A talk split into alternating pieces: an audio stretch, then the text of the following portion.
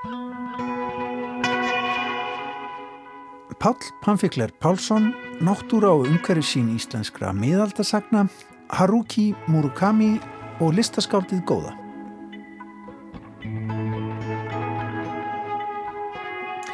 Við ætlum í vísjá í dag að ræða við Viðar Reynsson bókmyndafræðing sem tók á dögunum við styrkur sjóði sem ætlað er að styðja þverfaglega rannsóknir á reitmenningu íslenskra miðalda.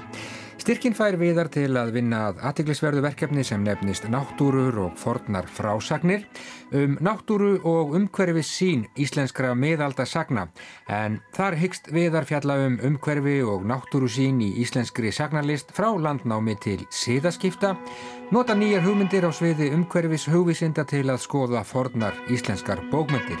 Sturlungu, Íslendingasögur og margt, margt fleira í því skinni að styrkja skilninga á náttúru skinni og náttúru sín í sögulegu samengi. Við heyrum meira um þetta í Víðsjó í dag. Við hugum líka nýjóttkominni bók sem að heitir Ljáðu mér vangi og hefur að geima minningarbrót úr lífi Páls Pamfikles Pálssonar, trompetleikara, hljómsættastjóra og tónskáls. Pál Pamfikler kom hingað ungur maður árið 1949, ætlaði að vera í eitt ár á landinu en þau örðu næru því 50. Við ræðum í dag við Sigurd Ingvar Snorrarsson, einn af höfundum bókarnar um Pál og æfi hans og störf í íslensku tónlistalífi. Og bókvíkunar hér á ráseitt að þessu sinni er það sem ég tala um þegar ég tala um hlaup eftir japanska reytumundin Haruki Murakami, bók sem er í senn ferðabók og minningabók og hverfist um fimm mánada æfingaplan fyrir marathónhlaupið í New York á sínum tíma. Þetta er bók sem sker sig rækilega úr í höfundaverki Murakamis, jáfnvel þótt að í bókinni séu kunnuleg fyrirbæri úr skáldverkonum svo sem kettir, dularfullar konur og upphafning hverstagsleikans er þessi bók alfarið um Murakami sjálfan og hlaupa ástríðu hans. Bókin kom fyrst út í Japan árið 2007 og í íslenskri þýðingu Kristjáns Raps Guðmundssonar árið 2016 undir merkjum Benedikts útgáfu. Hlustendur heyra í þýðandanum Kristján Rapni í dag og við heyrum brot úr þessu verki. En við byrjum á deginum í dag. Það er 27. mæ í dag á Gautur hlustendur og hvað þýðir það? Jú, fyrir nákvæmlega 175 árum þá andaðist í Kaupmannahöfn maður sem að hétt Jónas Hallgrímsson, hann andaðist að morgun í dags 27. mæ árið 1845. Viku fyrir hafði hann dottið í stiga á leið upp í húsakinni sín við Sankti Péturstræti í Kaupmannahöfn nánar tiltekið nummer 140 ef ég mann rétt og um, hann var laðurinn á spítala og andaðist eftir blóðeitrun á þessum degi fyrir 175 árum. Við vorum hérna eh, við morgunverðaborðið hér í eftirleitun í morgun að tala um Jónas að þessu tilefni og já, svona belgi okkur út, finna út úr því hver, hvert okkar kynni eh, eh, sinn Jónas best og, og, og hérna væri stæði honum einhvern veginn nálagt og það var nú bara hún Anna Marsipil Klausen sem að sigraði þá keppni með glæsi brag, hún situr beint á móti mér hér e, við borð í opnu rými í eftirleitinu og hún tjáði okkur það að já, hún hefði hugsað um Jónas Hallgrímsson hreinlega frá blödubaspinni. Ég man ekki hvenar ég byrjaði að elska Jónas. Mér finnst hann hafa bara alltaf fyllt mér sko.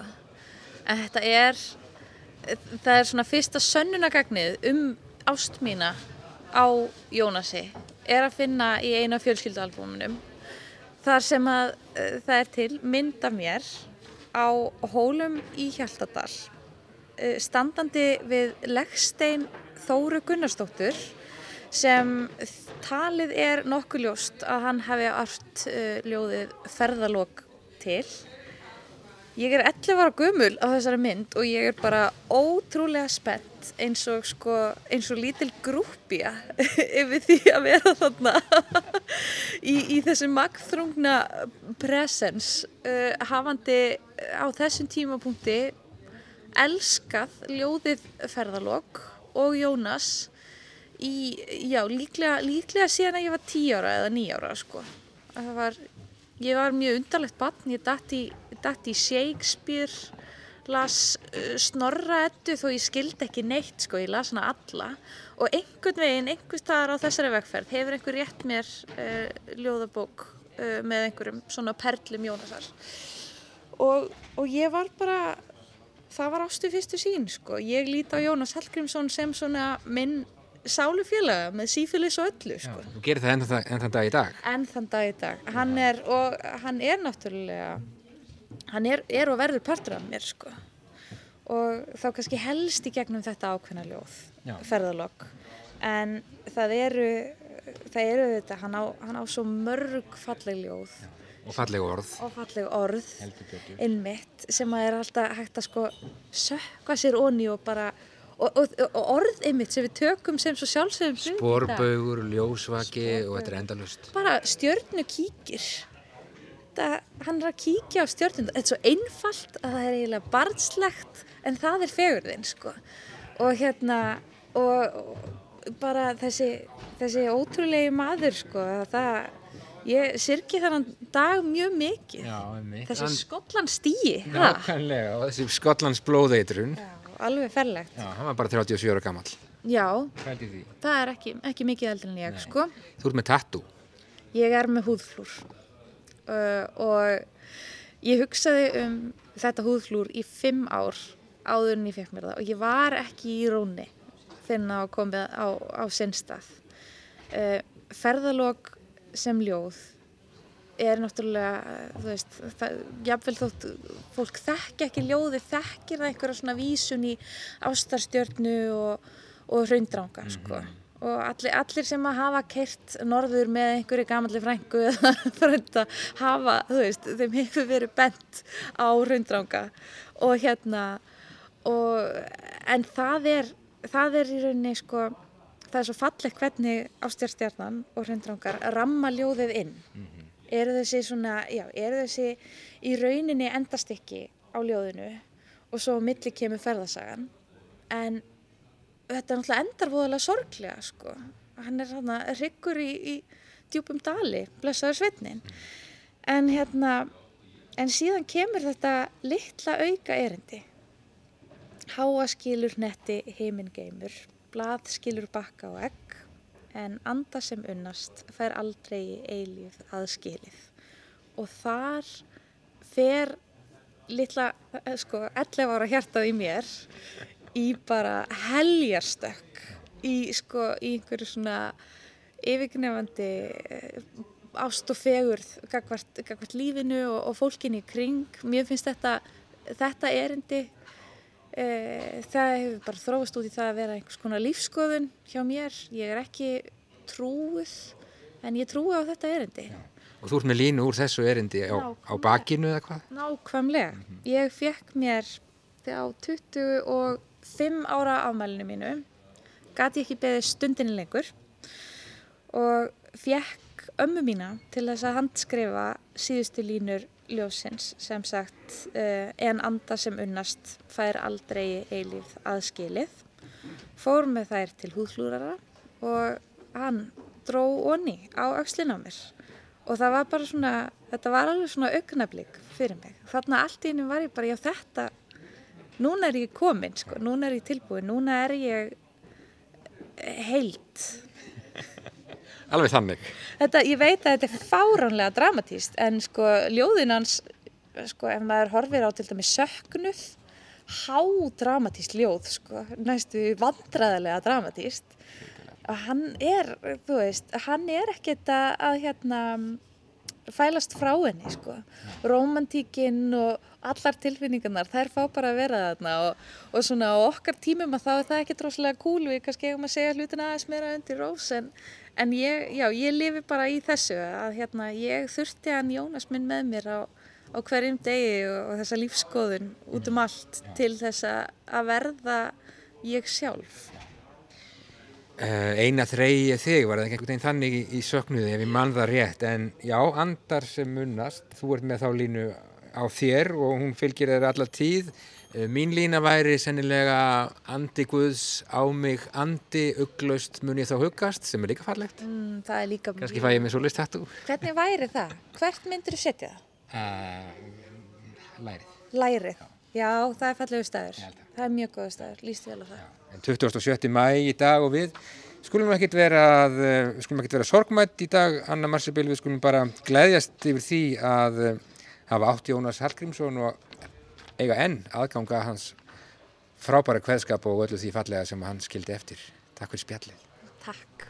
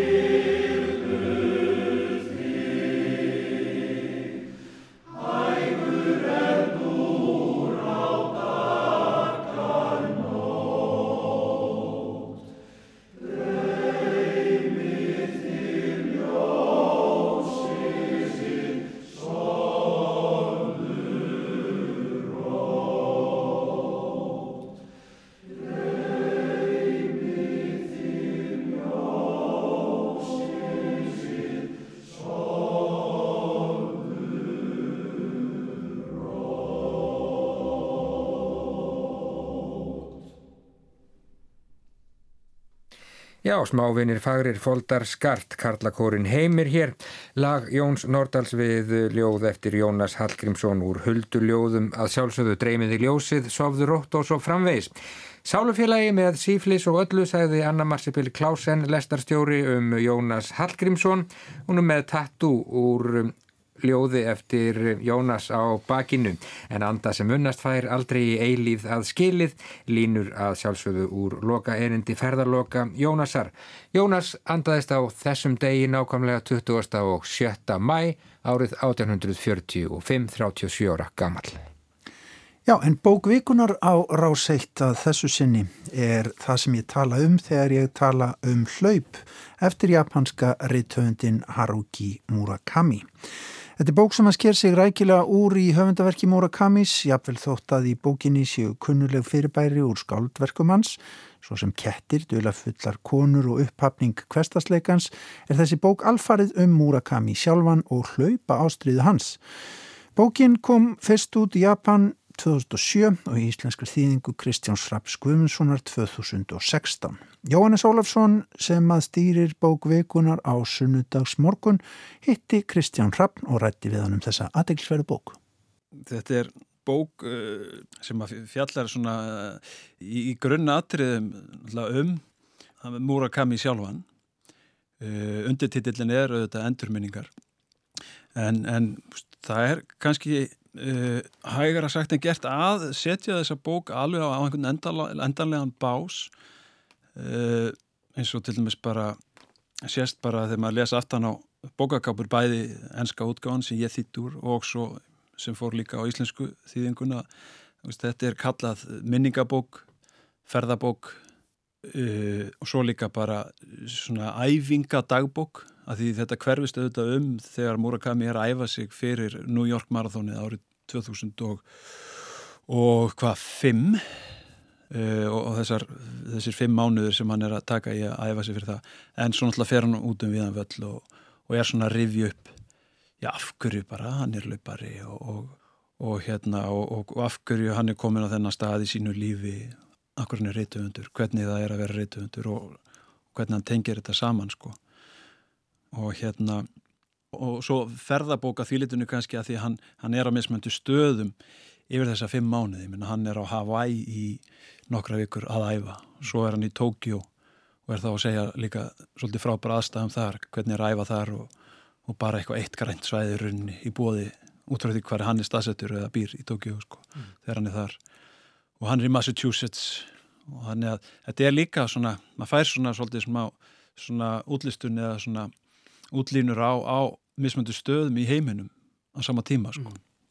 En í þessum titli, það sem ég tala um þegar ég tala um hlaup uh, þá er hann mjög bókstallega að segja hvað þessi bók er um en, en hann mm. segir líka í, í byrjun að þetta sé engin fræðibók um hlaup þetta er, fólk á ekki að geta gengið hann einum einhverjum svona algildum upplýsingum um, um það hvernig er best að byrja sko mm -hmm. þannig að þetta er ekki bók fyrir hlaupara eða hvað Uh,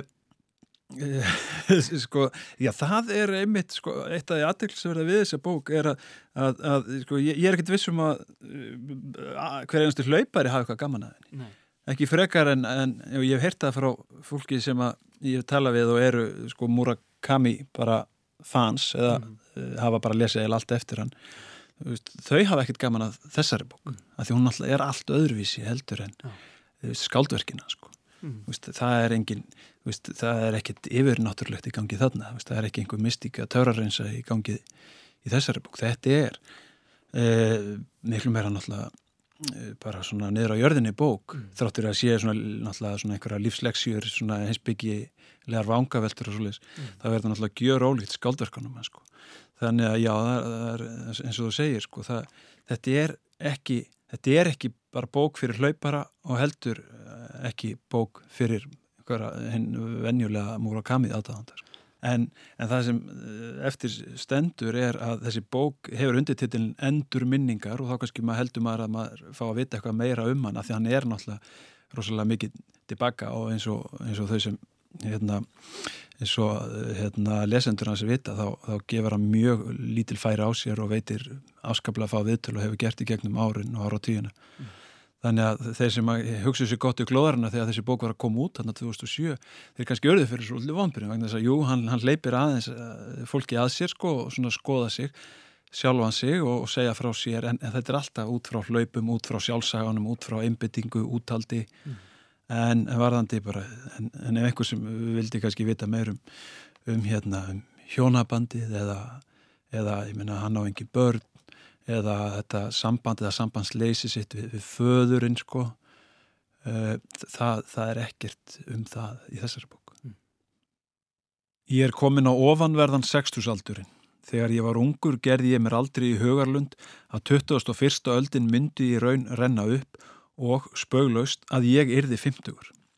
Það sagði svo auðvitað sjálft að einhvern daginn, ef ekkert kæmu upp á, rinni 21. öldin upp og ég yrði 50. Þegar ég var ungur var það að vera beðinum að ímynda sér sjálfan sig 50an, jafn erfitt og að vera beðinum að ímynda sér líf eftir döðan. Mick Jagger sagði eitt sinn all grobbin. Ég myndi frekar vilja vera döður en að vera enn syngjandi satisfaction þegar ég verði orðin 45 ára en nú er hann komin yfir 60 og enn syngjandi satisfaction. Sumum finnst þetta kannski fyndið, en ekki mér. Þegar hann var ungur gæt Mick Jagger ekki ímynda sér sjálfan sig 45 ára. Þegar ég var ungur var ég eins. Get ég leið að Mick Jagger? Ekki möguleiki. Það vildi bara svo til að ég var ekki ungur roksöngvari. Engin mann hvaða heimskulegu hluti ég hef mögulega sagt á þeim tíma svo að enginn fer að vitna í slík orð mín. Það er einu munurinn. Og hér er ég nú, levandi lífi mínu í þessum óhugsandi heimi. Það er mjög einkennilegt og ég get ekki sagt með vissu hvort ég er heppin eða ekki. Kanski skiptir það ekki máli. Þetta er mín og líklega allar annara líka fyrsta upplifun af því að eldast og tilfinningarnar sem ég hef eru einnig eitthvað sem ég hef ekki upplifað áður. Ef þetta væri eitthvað sem ég hefði reynda áður, geti ég skilið þetta betur. En þetta er í fyrsta sinn þannig að ég geta það ekki. Það eina sem ég get gert í byli er að sleppa því að fella einhverja ítarlega dóma og sætta mig við hlutina eins og þeir eru. Rétt eins og ég sætti mig við heiminin, skíin og ána. Og það er líka eitthvað eiliti komist við þetta allt saman, eitthvað sem maður vill ekki hafna algjörlega. Líkt og ég nefndi áður er samkeppni við annað fólk, hvort sem er í daglegu lífi eða hvað vinnuna varðar, einfallega ekki svo lífstíl sem mér finnst eftir svotnarverður. Fyrirgifið mér þótt ég fullirði hefð augljósa, en heimurinn samastendur af allskins fólki. Annað fólk hefur sín eigin gildi til að lifa eftir og það sama á við um mig. Þessi mismunur býður upp á ágreiningsefni og blanda þessara ágreiningsefna getur skapað ennstæri miskilning. Af því leiðir að fólk verður stundum fyrir ósangjarnari gaggríni. Það segir sér sjálft. Það er ekki mjög skemmtilegt að vera miskilinn eða gaggríndur. Þvertamóti er það frekar sásökafull lífsreynsla sem særir fólk djúft. Eftir því sem ég eldist hef ég smátt og smátt komist að þeirri niðurstöðu að þessi tegund óþæginda og særinda er nöðsynlegur hluti af lífinu. Ef hugsað er út í það er svo staðrind að fólk er mismunandi einmitt ástæða þess að því er kleift að skapa sitt eigið sjálf. Tökum mig sem dæmi. Einmitt sá eiginleiki minn að koma auga á tilteknar hliðar atbyrða sem annað fólk getur ekki, að líða öðruvísi en öðrum manneskum og velja önnur orð en þær hefur gert mér kleift að skrifa sögur sem eru algjörlega mínar. Vegna þessa höfu við þær ofinnjulegu aðstæður að allmargir lesa það sem ég hef skrifað. Þannig að staðrendin að ég er ég og engin annar er einn af mínum bestu kostum. Tilfinningarlegur sársöki er verðið sem manneskja verður að greiða til að vera sjálfstæð. Þetta er það sem ég trúi í grunninn og hef hagað mínu lífi í samræmi við.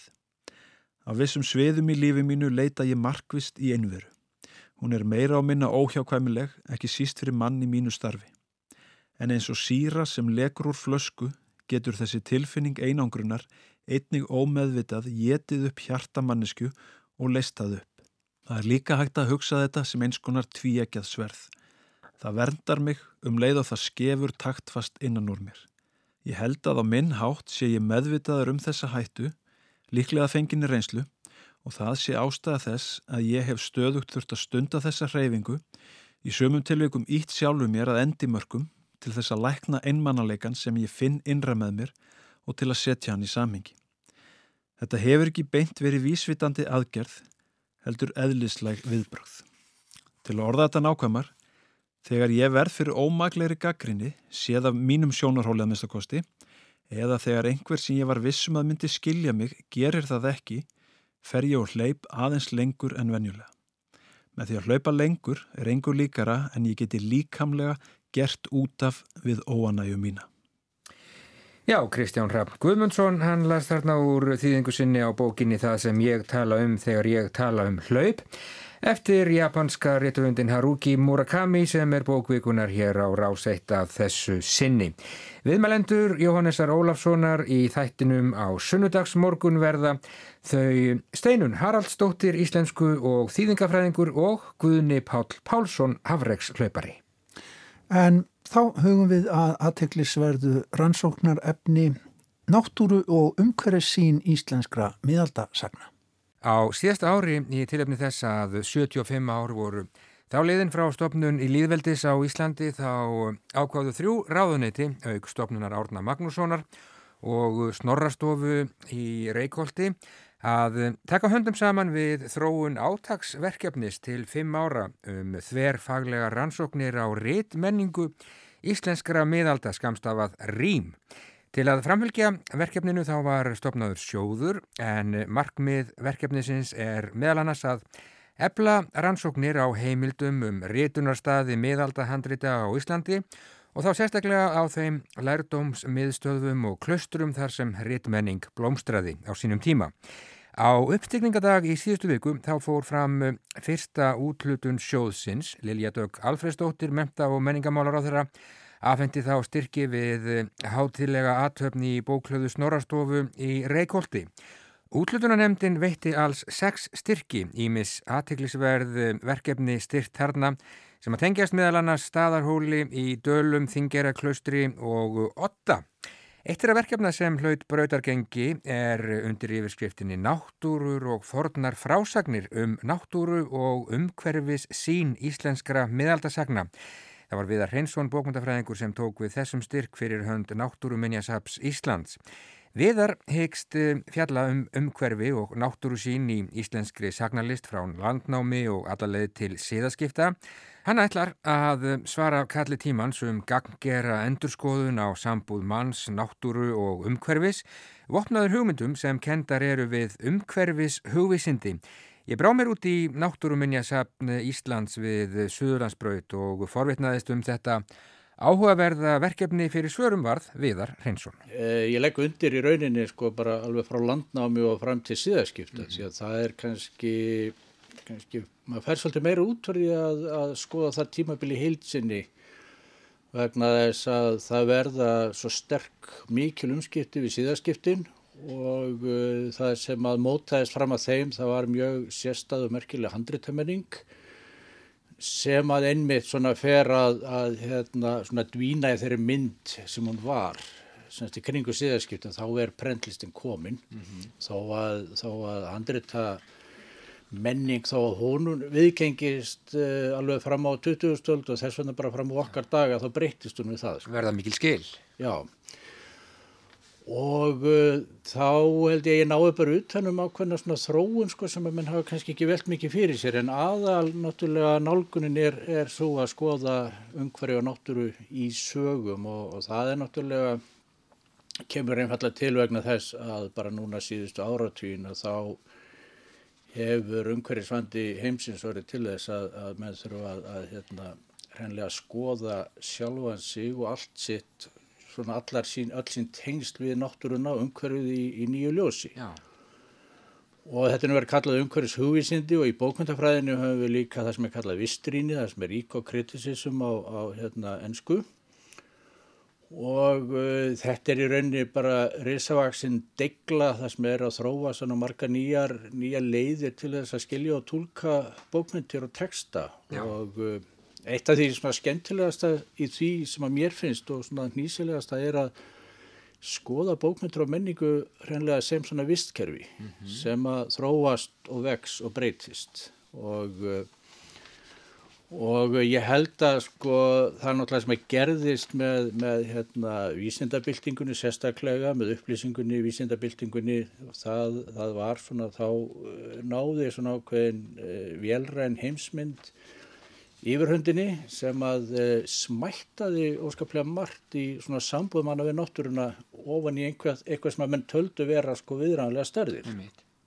Menn heldur með þekktu skildu náttúruna bara út í íst og æsar og fóru þess vegna að drotna yfir henni og meira og minna nýðast á henni. Já. Þannig við þurfum einfallega að tegja okkur mjög langt aftur í tíma til þess átt okkar á svona hugmyndu sem hafa þróast og, og uh, það er svona það sem ég reyna að gera í, í þessu verkefni og verður vonandi svona sæmilega myndeli bók sem já, kemur út af því. Skinnjun okkar og já, það hvernig við umgöngust náttúruna það breytist náttúrulega frá einum tíma til annars en þú ert þarna í þessu verkefni þó þú farir auðvitað langt aftur í tíman þá ertu að svara einhverju leiti kalli tímans um það að Já, það endur hugsa það, hvernig við, hvernig við hugsum um náttúrun og hvernig við, hvernig við umgangumst hana. Já, já, og, eh, og kannski sko var það ekkert endilega þannig að menn væru að hugsa um náttúruna sem slíka hérna áður fyrir, sko, Nei, svona í og hún bara var hana. Og uh, það er svolítið merkilegt að, að hérna, sko hugtækið náttúra sem er nú eitt af alflóknustu hugtökum og, og svona fjöldþættustu hugtökum sem að til eru það, e, það er ekki til í fornorrænu náttúra er, er bara komið úr latinu komið á natu sem að, að tengist fæðingu. Og, og það hafði í rauninni hugtækið hafði þá merkingu mjög lengi að það var svona þá var svona hérna kvalitatív merking, sem sagt eiginlega merking en ekki, ekki meginlega, ekki sem sagt uh, kvantitatív merking eins og hún var svona eftir vísindabildinguna. Þannig hún var, hún var miklu meira skoðu sem einhvern svona lifandi fyrirbæri í einhverju verðandi Já. og uh, til dæmis Ísidór á Sevilla hann sagði hérna að náttúrulega það þýtti nokk með það að fæðast og sumir segðu að, það, að þetta væri Guð mm -hmm. og uh, þannig að það er þetta, þetta er í rauninni spurning um sko að, að seilast mjög langt aftur til þess að að menninni þurfa bara að skoða sjálfa sig í, í samhengi við náttúruna. Guðsugmyndir hafa lengi verið sko líkilatrið í því en, en hérna, það þarf meira að segja að skoða, sko tegja sér svo langt aftur að, að svona trúabröð og hugmyndir um guðlega mögn að það er að skoða hvernig þau hafa voru til. Já, nákvæmlega. Þetta tengist í rauninni svolítið allt svona því sem ég er að gera því að hérna Og, og svo er ann, semst að við náttúrulega höfum gömlu, gömlu goðafræðina og síðan höfum við Kristina sem að kom hérna, nálat aldamótunum þúsund, þannig að við höfum þessi mörg sem er náttúrulega mjög forvitnileg og með Kristinni kom svo hérna rítmenningin, en svo er annað mjög merkilegt aðtriði og það er náttúrulega bara landnámi sjálft, að, að, að landnámsmenn komu sem sagt meira að minna að ósnortnu landi, menn meg alveg rífast um hvena landnámi varð, svona nokkurn veginn, það var náttúrulega var ekki einhver einn viðburður og, og hérna, menn fóru að týnast hinga svona á nýjöndu öld og, og svona í einhverjum fjölda, en, en þá er sagt, þá er svo fróðlegt að skoða sambúðmanna við land sem að þeir nema frá upphafi sem sagt. Og, og þannig að við erum í rauninni sko frumbyggjar hérna. Mm -hmm. Mjög heillandi viðfangsefni en þú ert að skoða þessa gömlu texta, þú ert að tekur inn í þetta ettukvæði og störlungu, gamlar ístendingasögur, kormáksögu og eigilsögu og fleira og flettar þetta allt inn í þína, þína rannsókn og já, hvað, skoðar í einhvers konar umhverfi sögulegu ljósi. Hvernig, hvernig hérna, fer maður í gegnum alla þessa texta og, og, og fær þá til að tala við sig um, um náttúruna? Já, sko það sem ég er að gera er, ég er nú einlega að reyna sko að, að koma einhver á stað, sko, koma einhver í gang. Aha. Ég ætla ekki að koma neinum, komast að neinum endalega niðurstöðum um neitt vegna þess að, að hérna, þetta er náttúrulega allt einhver svona, þekkingin er náttúrulega alltaf einhver svona opinn verðandi og sem að flæðir bara áfram og, og hérna, en það sem að mér langar að gera er einfallega bara að brytta upp á fjölmörgu sem að byrtist í sérstaklega í sögum. Þær geta verið bara mjög ólíkar. Sögur eins og til dæmis Kormáksaga hún, hún er, maður sér ekki, ekki sérstaklega mikið um, um svona hugmyndumannu náttúruna þar En, en svo er aftur miklu meira í eigilsögu, það sem er til dæmis með merkilegu kaplu um, um hérna, landnámið og hvernig mann skoðuðu hérna, þetta ósnortna land. Uh, í Gretlu til dæmis, sem er miklu setna á hérna, í þróunaferlinu, þar er, uh, þar er náttúrann hálendi sérstaklega, það er bara lifandi heimur vætta sko, sem, að, sem að Grettir gengur svolítið inn í. Mm -hmm.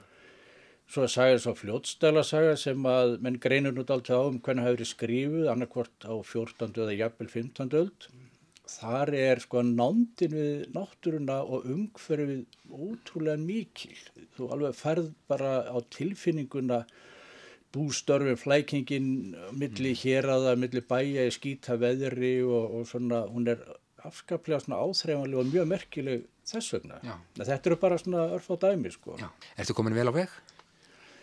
Já, já, ég hef búin að sko vinna mjög lengi í svona frásagnarfræðum sagnana sko, alveg frá því bara í kringum 1990 sko. Og uh, þá vinnu nota ég þetta alltaf mikið sem sagt svona frásagnarfræðilega kenningar og, og hérna þannig að, að ég er búin að vera með þetta á heilanend alltaf lengi. Og svo síðustu 10-12 árin hefur sagt svona umhverfistáttur verða, náttúran verða að koma inn í, inn í svona mínar pælingar sko. Já, þú ert með baktinn hérna og fleiri goða menn þér til aðstofar. Já, já, hann er, hann er reyndar sko... Tímarými eða tímarúm. Já, það er, það er sem sagt hvernig tími og rúm byrtast í frásögnum. Mm -hmm. Þetta er svona kennikjá baktinn og, og margt í hans kenningum sem að mjög einstu rýma mjög vel við svona nýjustu og ferskustu kenningar í umhverfis hugvísindum sko. En uh, ég er svona vonast til að ljúk ljúka skrifunum kannski á næsta ári þannig að bókin ætti geta komið út kannski 2022. Já, ljómandi gott. Verður gaman að fylgjast með því Viðar Hreinsson, ég segi bara gangir vel að eiga í samræðu við náttúruna á hinnum ymsu tímum. Takk fyrir spjallið og gangir allt í hægn, takk. Takk fyrir sem leðis.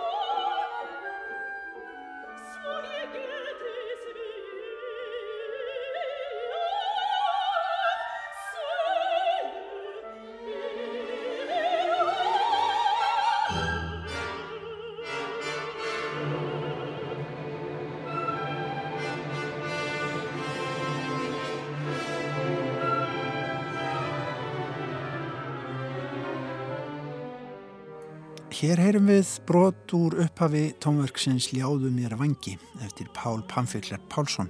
Það er Rannveig Fríða Bragadóttir sem að syngur hér með Symfóníu Hljómsveit Íslands og byður grágæsa móðurina í ljóði Jónasar Hallgrímssonar að ljá sér vangi. Út eru komin á bók minningarbrót úr lífi Páls Pamfiklers Pálssonar, trompetleikara, hljómsveitarstjóra og tónskálds sem að kom hingað til Íslands frá Östuríki, ungur maður, til aðeins eins á Stvalar árið 1959 en árin hér á landi urðu 48 talsins. Pál Pamfikler var stjórnandi Sinfoníu hljómsveitar Íslands, Kallakoss Reykjavíkur, Lúðrasveitar Reykjavíkur, Kammersveitar Reykjavíkur og skóla hljómsveitar Vesturbæjar. Hann samti líka verk í allskynns samsetningum og beitti sér fyrir flutningi storra verka sem að reyndu á þróun íslensks tónlistalífs. Í bókina nýju rita Mónika Louise Gísjál, Lárus Há Grímsson, Rud Ingolstóttir, Stefan Þótt Stefansen og Sigurður Yngvi Snorrason. En Vigdís Fimboðdóttir ritar formála að bókinni. Rud Ingolstóttir tekur auk þess saman skrá yfir verk Páls í lókbókar, yfir hljómplötur og diska og yfir verk sem hann stjórnaði fyrsturmanna hér á landi. Gestur vísjár í dag er Sigurður Yngvi Snorrason, vinur Páls Panfikles Pálssonar og einn úr hópi aðstandenda bókarinnar. Ég spila hann fyrst um þetta verk sem að gefur bókinni napsitt Ljáðu mér vangi.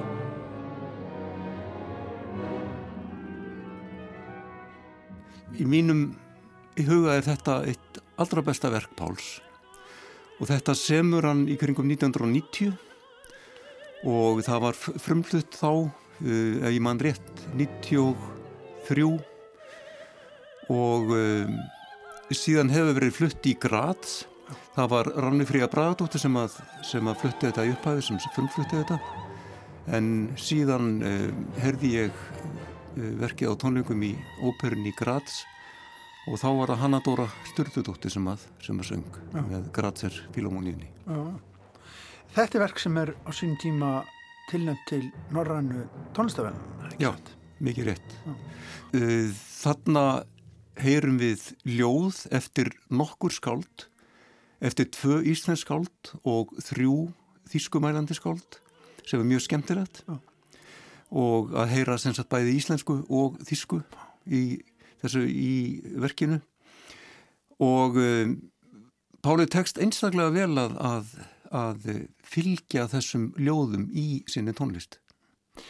Pál Pánfikle Pálsson, maður sem kemur hingað rétt fyrir miðja síðustu öll 1949 uh, ílengist heldur betur og hefur mikil áhrif á Íslands tónlistalíf ef við hugsaum um úr hvaða jarfið hans brettur? Já, hann er, uh, hann byrjaði ungur að læra á hljóðfæri og komst reyndar nýjóra gammal í tónlistarháskólan í Graz, bara vegna hæguleika sinna. Byrjaði að læra á fyrlu eitthvað og síðan á trompet sem hann síðan aldrei sem sitt aða hljóðfæri. En hann meðfram þessu uh, hljóðfæranámi þá lærða hann líka tónsmíðar. Og þessi stopnun, tónlistarháskólan í Graz, er eina af þessum gömlu rótgrónu stopnun sem sjá til þess að að nefnendur þar læri handverkið. Mm. Þess vegna er, já, Pálir feikilega fær, uh, fært tónskáld og við sjáum líka útsetningum hans uh, að hann kann ymitt þetta handverk, þetta góða handverk. Þetta er svona vel grundaði þessari miðarásku menningu. Já, en hann sem sagt var, uh, Graz var náttúrulega í rúst eftir, eftir stríðið og hann var komið með stöðu, hann var 17 ára gammal þá settist hann í stöðu annars trombetleikara í Grazarúperunni. Eh, en 1949 þá eh, kom til hans maðurnafni Frans Miksa Miksa hafði komið hingað 1930 og hjálpað til við alþingisháttíðina og hann var einn af stopnendum tónlistaskólans í Reykjavík og kennari þar. Þannig að hann var öllum hnútum kunnur á Íslandi og, og um, Hann bankar upp hjá Páli sem satt 1949 að vorlægi og segir, segir meðan Pál, þú fættir Íslands í höst. Við skulum heyra í ásmá lýsingu Páls á einmitt þessu aðrið. Um hösti 1949 kemur Dr. Frans Miksa til mín, heim til mín. Dr. Frans Miksa var þá einn af aðalkennari mínum út í Östuríki, í Graz og hérna og tala bara beint út, herði Pál, sem lóttu fara til Íslands. Ég segi hvert? Ísland, sagði hann. Já, hvað er það með leiði? Ég vissi hann náttúrulega að það var í norða álfunni. En hvað er að gera það? Já, ég var ákveðið í því að þarna, þú sem ung og maður hefur gott af því að starfa þarna með skoðst í eitt ár þegar að leita þarna, að stjórnanda fyrir Lúrisbætt Reykjavíku og þegar er líka að leita þarna, fyrir væntanlega symfóílhljómsveit Íslands fyrsta trópetleikara og þú verður að upplæða við það sann. Þú hefur gott af því, ungu strákur, farað þánga. Og ég, náttúrulega var alveg svo hissa, ég gæti alltaf að svara neitt. Ég sagði, það fyrst að tala við pappa og mömmu líka, sagði ég, náttúrulega, ég ótti heima hjá þeim. Og pappi sagði, blessa þau strákur, þau hefur gott, þau drífulega bara í björtu frá þessu landi núna eftir stríðið, þú veist, það var nú makt ekki alveg lóg gott. Þetta var hvað fjóra á síðan að stríðið laug og þannig Drífið þig bara, það er gott af því. En mamma var með, með svona hálfgeða táru augunum og það sagði, æ, nú missi þið strákinn minn, sko, ég var náttúrulega yngsta af okkur, af okkur þrema sískunum. Svo já, já, svo í byrjum november bara var, flög ég frá Vín til, já, ég átti í, í, via Köpmannahöfn til Reykjavíkur, það var ekki lengt í Keflavík þá. Og ég mann þegar ég fór, fór upp í flugvelin, Köpmannahöfn, já, já, fyrsta skipti á æfi minni, ég komst upp í flugvel þá hérna var tilkynnt að var ekki hægt að lenda í Reykjavík vegna veðurs. Það var þess að rók og rikning og við þurftum að snúa við til Brestvíkar þá og gistum það. Dæn eftir var gerð aðra til raun og já, hún tókst og ég maður það var svolust og rók og rikning samt uh, ég, já, já, hvað er ég nú komið núna, hæ? Nú já, þetta gekk að saman samt ljómaði vel því strax dæn eftir ég var komin hingað þá var æfing í Lúsveit Reykjavíku Já, og þannig að ég, ég náttúrulega kunni ekkert nefn að minna lítla skóla einsku, auðvitað ekkert orðið í íslenskunni.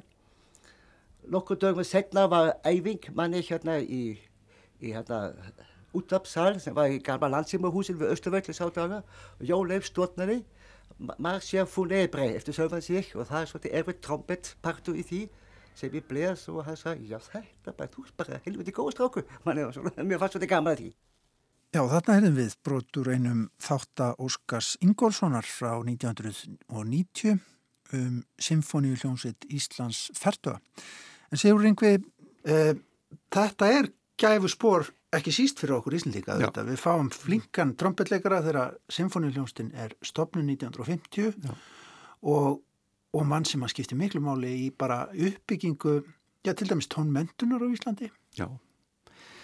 Hann uh, strax 1950 og fjögur lítur að hafa verið, þá voru stopnaðar drengja lúrasveitir í Reykjavík, tvær lúrasveitir, önnu var í Vesturbæ, hinn í Östurbæ og Pál uh, tók Vesturbæ hljómsdyn aðeins sér.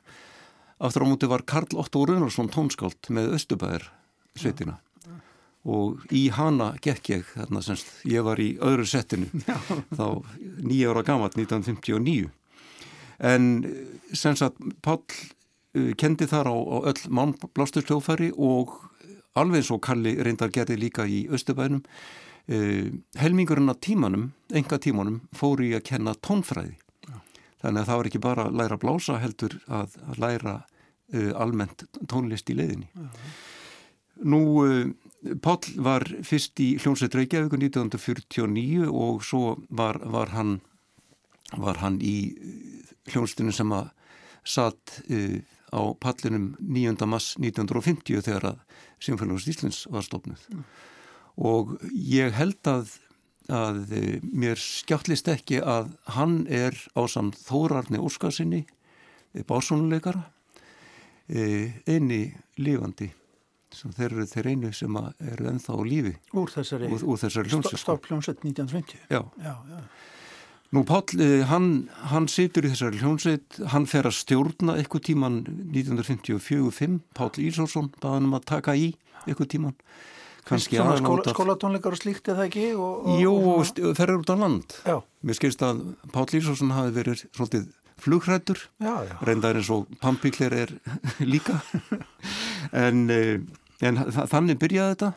Og 1959 þá fer hann uh, til Hamburgar og sest þar á skólabekk og læri hljómsastjórn í einn vetur. hjá Brugna Ruggeberg nokkrum sem kom reyndar hinga og ég, ég spilaði eitthvað tíman undir hans stjórn þegar ég var í hljónstinni. Mm. Svo er það snemma á 8. áratögnum þá svona hann, þá verður hann fastur hljónstastjóri Já. á sveitinni. Já. Það, Hver, hverju skipt hann svona í þróun sveitarinnar sem slíkur? Já, hann skipti, hann, sko Pál hlustaði mikið á músík og uh, fylgdi sem sagt vel með og þegar að uh, hljómsveitin fór að vaksa fiskur um hrygg, hún, hún fekk að stekka fekk sem sagt meira fjármagn. Að e, þegar hann sá að hún var farin að hafa burði til þá e, náðan í erlend verk sem að hljónstinn var þá farin að ráða við. Mm. og ég man eftir, ég kom í hljónstinna 73 og strax 74 þá þá uh, frumflutti hann á Íslandi til Ælensbygils Lustíkir stræki eftir Ríkja Strás. Það er nú aldrei svona þar stóra sveit. Það er ansið góðu biti og, og síðan voru eins og koncepteri hljónst eftir, eftir Bartók, uh, koncepteri hljónst eftir Ludovslavski kom setna meir og margt, margt, margt veira. Og sjálfsögðu þá frumflutti hann megnið af íslenskum verkum sem voru saman á þessum tíma. Hann sem sagt verður fastur uh, hljómsveitastjóri hjá symfóniðinni 1971 og gengdi því starfi alveg fram til 1993. Hvernig var að spilundi stjórn Páls? Það var mjög gott að spilundi stjórn Páls. Hann var alltaf vel undibúin, hann hafði feikilega gott slag, mjög skýrt slag. Hann var strángur sem, sem er gott mm -hmm. og uh, en samt ja, aldrei á, á einhvern óþægilegan máta hann var réttum maður á réttum stað og, og skilur eftir sig gífurlega mikilvæg spór í hljómsettinni eins og við er bara í íslensku tónlistarlífi. Mm -hmm. Í þessari bók Ljáðum er vangi, þar eru það að byrta minningabrót úr, úr ævipáls og, og svona taka fyrir þessa ólíku þætti sem við kannski náum ekki að fara hérna yfir í smáadröðum. Eh, það má til dæmis nefna, hann var lengi vel stjórnandi Kallakós Reykjavíkur og uh, ofan á Lúrasveitir og Symfóni hljómsveitir mm -hmm. þannig að það voru örgla já, nokkuð margir tímatnir í sólurringnum hjá já. sem að fóru, fóru í vinnu eh, sko já, svona arleið Páls svona þegar að þið takið þetta saman núna og hverju hann hefur breytt fyrir okkur Já, hann, náttúrulega hann eh, skrifaði mikið fyrir þessa hópa sína sem hann, sem hann stjórnaði þá er ég að tala um, um, um Lúrastur Reykjavíkur sem hann stjórnaði enn 25 ár og uh, Kallakur Reykjavíkur uh, álíka lengi Og svo þið í kammerhópunum, þið pöntuðu hjá hann líka? Já, já, já, já, hann, hann var einn af stofnendum kammersveitar Reykjavíkur Akkurat. og það er mjög ítalegu kapli í bókinni eftir Rudd Ingolstóttur um þátt Páls í, í því starfi. Þar eru mörg verk eftir Pál og Röð var reyndar óskaplega yðin uh, og dögulega að taka saman bara fullkomið af, já, verkalista Páls sem er byrtur, hér í lógin hann er byrtur í bókinni og, og þetta er um það byrjum 140 verk sem hann skilur eftir sig. Það er svo mikið, já einmitt. Það er svo mikið, já maður átt að segja ekki kannski á umfanginu alveg, Nei, nei það, það kom mér óvart, ég held að það hefði komið líka Páli óvart sko. Það var ekkit að, að telja þetta en en þetta er ansi, ansi drjúkt og, og þarna eru stórverk, það eru, eru symfóníur þarna, konsertar og um, verið þá sérstaklega að nefna klarinettakonstin sem hann skrifaði reynda fyrir mig mm. sem að mér þykjar óskaflega vendum og ég til, til ásamt, uh, ásamt laðið með vengi svona með hans allra, allra bestu verkum. Mm. Svo er hér annar listi sem heitir, er undir hérna, yfirskriftinni framsýni stjórnandin og þar er ansi mikill listi á þeim verkum sem að fyrst heyrðust hans, undir hans stjórn Já. hjá Sinfoniljónst Íslands Já. og eins líka íslensk verk sem að hann beitti sér fyrir og, og, og frumflutti. Já, já, og hann, þegar hann uh, stjórnaði hljónsveitum Erlendis, þá voru alltaf íslensk verki í fartæksunni hjá hann. Mm. Sigur Ringvi Snorarsson, við bendum á þessa bók, Ljáðum með vangi, minningabrótum úr lífi Páls Panfiklas Pálssonar og við með heilsa Páli bara. Ég skal skila því, ég hef samband við hann vikulega að minnstakosti. Takk fyrir komuna. Takk fyrir.